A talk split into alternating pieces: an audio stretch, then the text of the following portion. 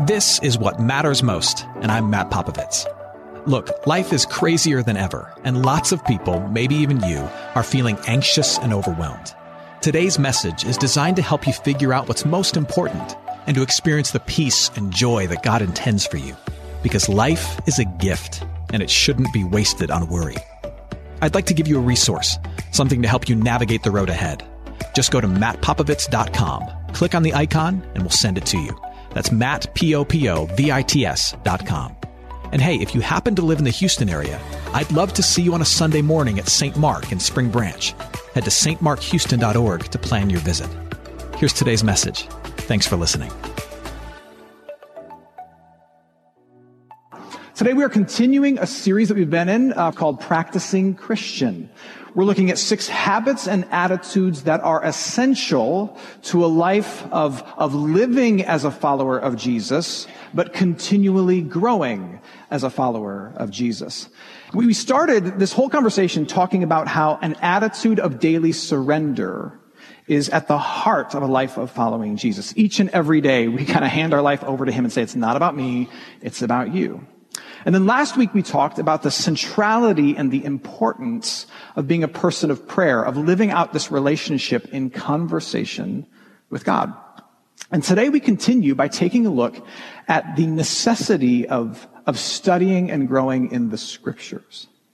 Now, the big idea for this morning is this. We can put these words on the screen. It says, a practicing Christian fills his or her life with God's words. I'd write that down. A practicing Christian fills his or her life with God's words. You become what you consume. You become what you consume. And that, that's, uh, that's not just a conversation about food, but it's, but it's mostly a conversation about ideas and thoughts and words and the stories that you hear. Uh, the things that you allow to, to become before your, to come before your eyes or to infiltrate your ears, they shape you and affect you in big ways and small ways, but always they affect you. What you consume shapes you. And, and here's, here's a sad fact. Followers of Jesus have been, have been consuming less and less and less of God's word. It's just a, it's a statistical truth. Uh, every quarter, uh, the Nielsen Group, who used to measure TV ratings, now they measure like all of media consumption. Every quarter, uh, they they release statistics on overall average media media consumption for Americans. And in their in their last report, they said that the average American consumes 12 hours of media a day. Now that, that encompasses everything. The television show that you watch, the Netflix series that you stream, uh, the article you read on Facebook that your Aunt Linda shared with you, the podcast that you listen to, the talk radio that you listen to. It, it takes into account all of that. It says the average American consumes 12 hours of media a day. Now compare that with these statistics on biblical literacy among Americans. Let's just put these on the screen. It says 87% of American households have at least one Bible. I'm a Bible guy. I think that's good. 87% of American households have at least one Bible. Most houses have three. 50% of adults can name one or more of the Gospels. Just 50% of adults can name one or more of the Gospels. 42% can name five of the Ten Commandments. It goes downhill from there. 75% believe that the phrase, God helps those who help themselves is in the Bible. It's not. uh, actually, it's in Second Opinions chapter 3. That's where you'll find it. And then 12% believe that the name of, jo- of, of Noah's wife was Joan of Arc. And I know at least one of you is like, it's not? It's okay. You don't have to tell us. Now, now hold that data in one hand and consider these words from the apostle Paul to Timothy. He says this, as for you, continue in what you have learned and have firmly believed and how from childhood you have been acquainted with the sacred writings, another way of talking about the scriptures handed down, which are able to make you wise for salvation through faith in Christ Jesus. All scripture is breathed out by God and profitable for teaching, for reproof, for correction, and for training in righteousness that the man or woman of God may be competent, equipped for every good work. The apostle Paul says to Timothy, a young pastor, he says, as for you, and then by implication, the congregations that you leave, you, lead, let them be constantly consuming the word of God. Continue in your knowledge and consumption of the scriptures, because in them you meet God. In them you receive faith, and your faith is strengthened. Through them you have an encounter with the divine, and you experience life change that you can't get anywhere else. Practicing Christians are to be people who live as followers of Jesus and grow as followers of Jesus because they are filling their life with the words and the truths that talk about and point to and highlight their constant need for Jesus. Because after all, you become what you consume. And if we consume very little of God's word, if you're here as a follower of Jesus, we should not be surprised that we look very little like Jesus, that we lack the peace of Jesus, the hope of Jesus, or the perspective of Jesus. So with the time that I have left, what I want to do is I want to highlight the, the attitude that a, a person of faith brings to God's word when he or she reads it or hears it so that we might get the most out of it. Okay? So here's the first thing I want you to write down. A practicing Christian reads the scriptures in order to see the truth. Now, this might sound like an obvious statement, but I need to explain it. Um, a practicing Christian approaches the scriptures in order to see the truth.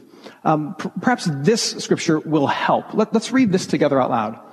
Your word is a lamp to my feet and a light to my path. Let's try that again.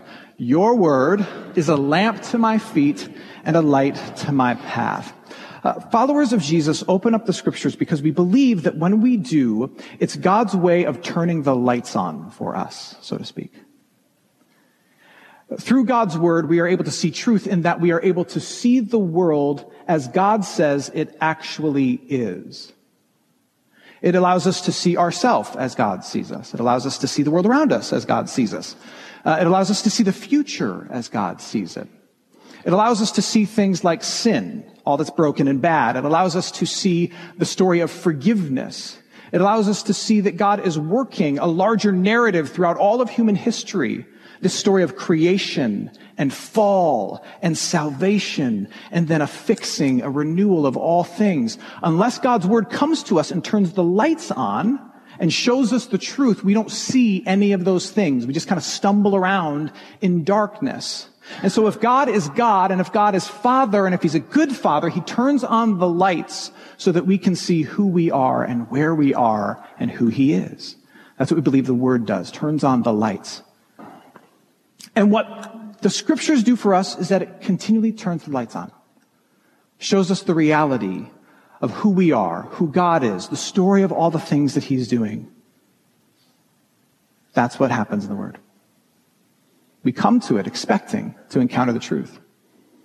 Related to that is that we also come to the scriptures when we open it up and when we hear it.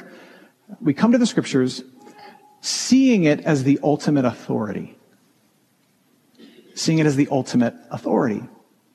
It's the authority over us. Uh, there's, there's two kind of basic ways in which you could approach uh, the Christian scriptures.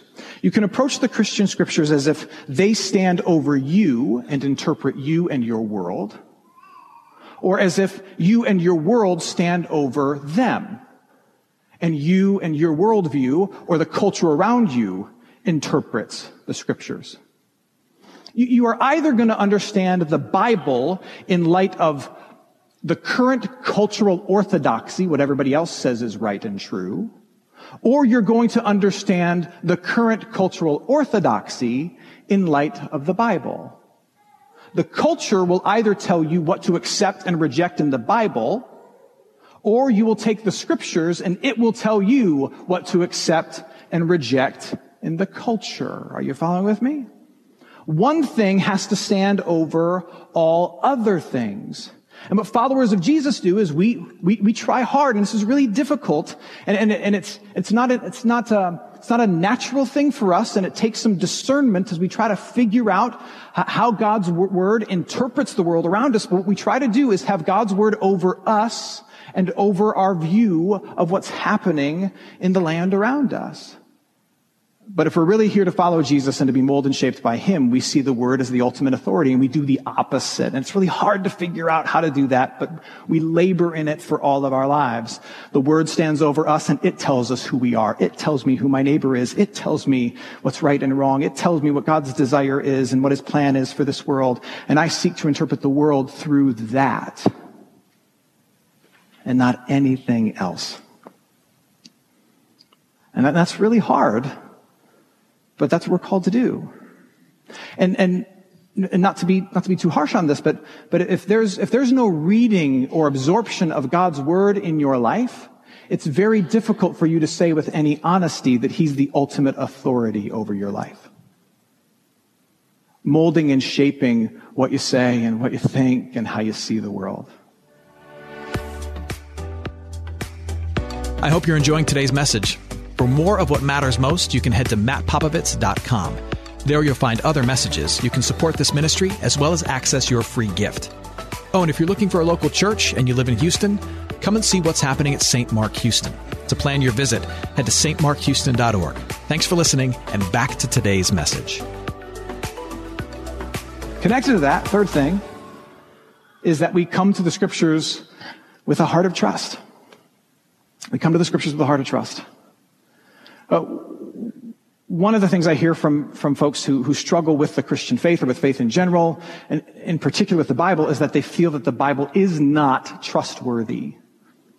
They feel that it is perhaps old and outdated, and uh, it is it is backwards, and that we are a more uh, enlightened and invol- evolved and scientific people. And certainly, uh, we have the blessing of all of history behind us, and we know a lot of things, and we understand a lot of things.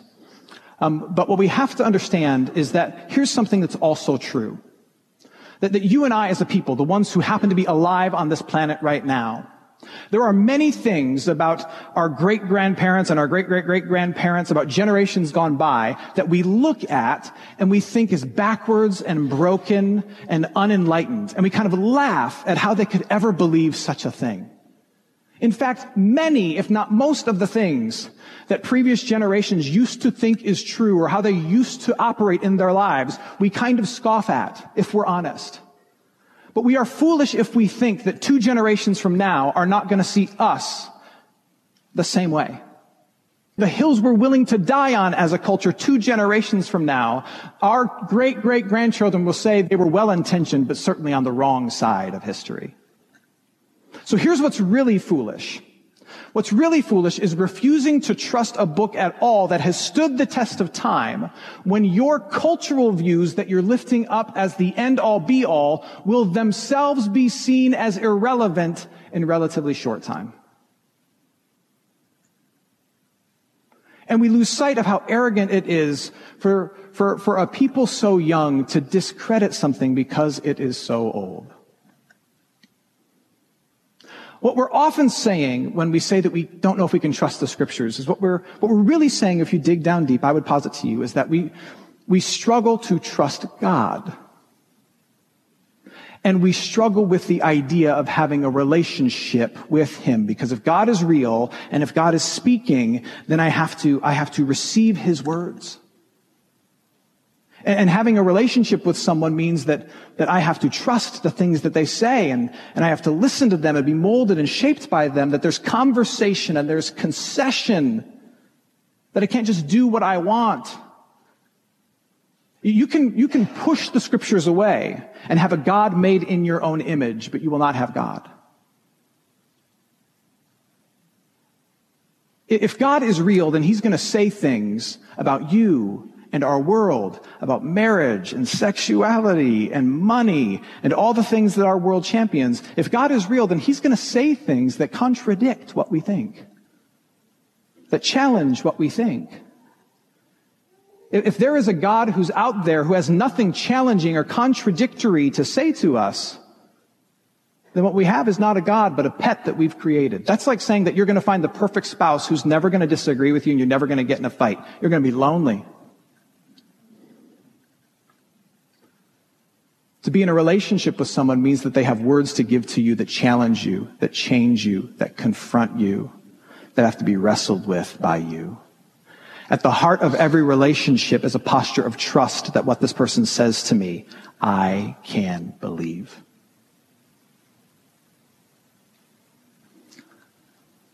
The next thing is that we come to it expecting it to give us Jesus. What we believe is that when we encounter these words, it's not just ink on paper or, or a voice through a speaker, that, that in the end, what we believe is that it is a divine encounter. That it's God himself who is speaking to us. And what Christians believe is that whenever God speaks through his word, what he's ultimately up to is giving you Jesus. That's his primary motive. That, that when you, when you open up the scriptures, what he's doing is he's trying to put your need for Jesus in front of your eyes in some way. He's trying to give you the promises of Jesus so they might be packed away in your heart in some way. He's trying to instruct you or convict you of what it means to live a life that looks like Jesus in some way. He's trying to remind you of the ultimate hope that you have in Jesus in some way. The ultimate aim of the scriptures is to give you a divine encounter that perpetually pushes you to Christ. And so what you can believe is you can believe that you are opening the scriptures and you're going to encounter Jesus. One of my best friends, he tells the story about growing up in a home of unbelievers. They never, ever went to church. It was totally foreign to him. And yet in their house, they had three Bibles. And this was the, the mid 1970s when he was uh, an early years of his, of his teenage life. And he, he recalls all of a sudden feeling this urge to open up the Bible. And they had a giant, giant Bible in white leather sitting on their, on their, um, on their coffee table in their, in their living room that his parents were given when they were married. But no one ever opened it. So he went downstairs and he opened up the Bible and he started reading in the first place that it opened to, and it opened up to the Psalms. It opened up to a psalm that was talking about the beauty of creation and the, the majesty and the greatness of God. And it was nighttime. And so my friend walked outside, looked up, and happened to be a, a clear sky in the middle of Illinois where he lived, and he saw the stars in the sky. And with that, those words that he just read ringing in his ears and looking up at the stars of the sky, he, he was convicted that there is a God, there is a maker. And he describes it as the moment that his heart started to stir with faith. And he went back into the house and he opened up to another section of scripture, and it was the Gospels, and he started to read about the person of Jesus. And that is the moment he says that he encountered Jesus. His life has changed. He's full of faith. And he's never, ever been the same. Friends, every time you open up the scriptures, that is God's goal for you. An encounter with Jesus that changes you. Now, it's not always going to feel transformative. It's not always going to feel life changing, but be confident that every time God's word comes to you, that little whisper, that little stirring that you hear as you encounter the scriptures, it is the voice of Jesus himself when you're willing to open the word, that's what he gives you himself. That's what he gives you. Now, the question you might be asking is, well, how do I do this?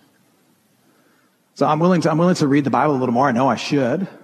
I'm willing to come at it with, uh, uh, with eyes looking to be enlightened, with a, with a heart of trust, believing that it's the ultimate authority interpreting my life and showing me how to see the rest of the world around me. I'm, I'm willing to do that. I'm ready to hear from Jesus. How do I do that? Well, you're going to need three resources. You might want to write these down. You're going to need a Bible you can actually read. You're going to need resources to assist you, and you're going to need a process to repeat. Now, most homes have a Bible in them, but many people, if you ask them, they will tell you that they have a Bible that they struggle to understand. Maybe it's written in some academic language or it's written in the, the old King James and they struggle to wrap their mind around it. First things first, get a Bible that you can read. If you don't have a Bible that's readable to you, that's enjoyable to you, take one of the Bibles that's in the back of our pews home with you. Steal a Bible from church. It, it's okay. We got a lot of them. We got a Bible guy we can replenish. Steal a Bible from church. If anybody tries to stop you, show some muscle and fight for it, okay?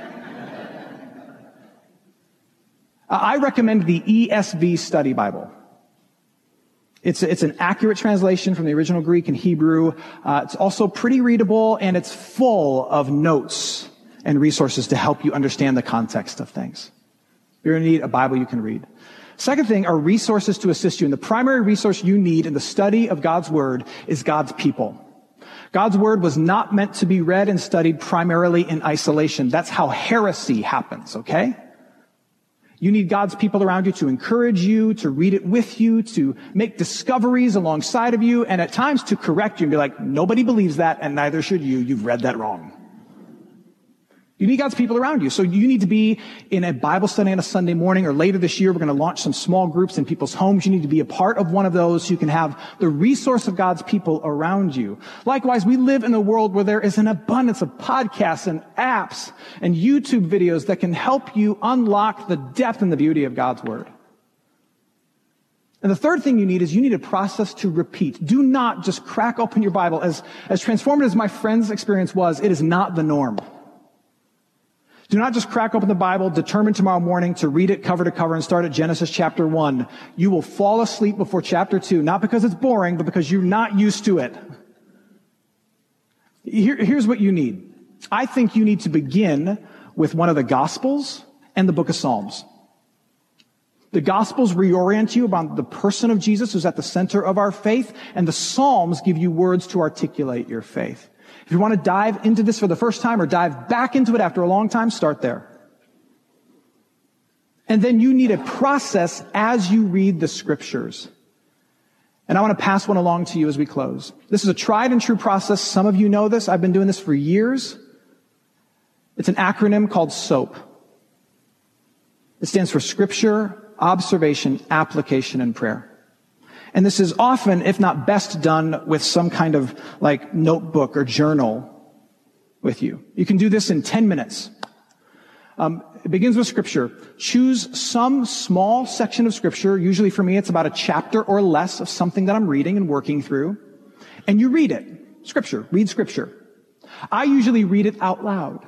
Helps me retain the information. Also, the scripture was given to us largely intended to be verbalized and spoken out loud. I would read through it multiple times. Read through it multiple times. And then once you're done reading through it multiple times, you then observe, write down observations. What's happening here? What's it talking about here? What's it touching on here? Talk about it.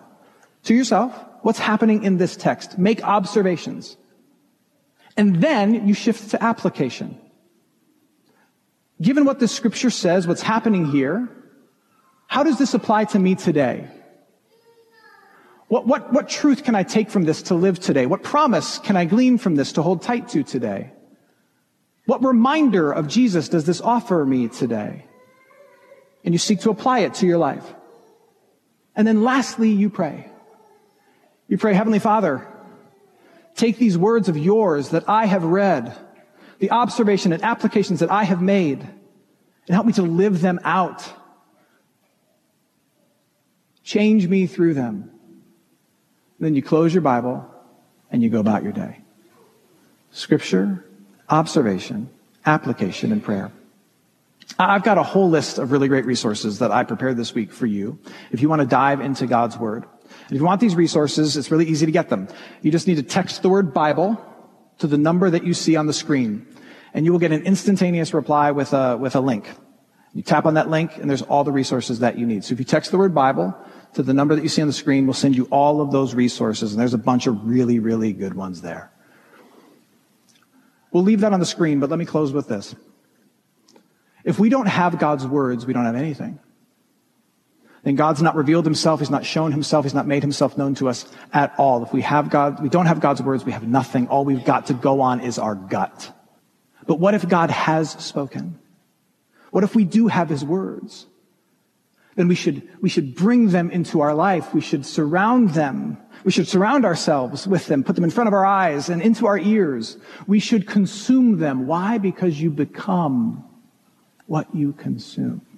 May you, O practicing Christian, become a person whose life is filled with God's words. Hey, it's Matt. I hope you enjoyed what matters most. Here's what I need you to know. Life is a gift and it shouldn't be wasted on worry. I want to help you figure out what's most important and to experience the peace and joy that God intends for you. So for more content, you can head to mattpopovits.com. That's Matt, P-O-P-O-V-I-T-S.com. There you can also support this ministry as well as access your free resource, a little something to help you navigate the road ahead. I'd also love to see you on a Sunday morning. If you're in the Houston area, head to stmarkhouston.org to plan your visit. In the meantime, Hit me up on Instagram at mpopovits or at facebook.com slash Matt Popovits Ministries. Thanks for listening. Now go and hold tight to what matters most.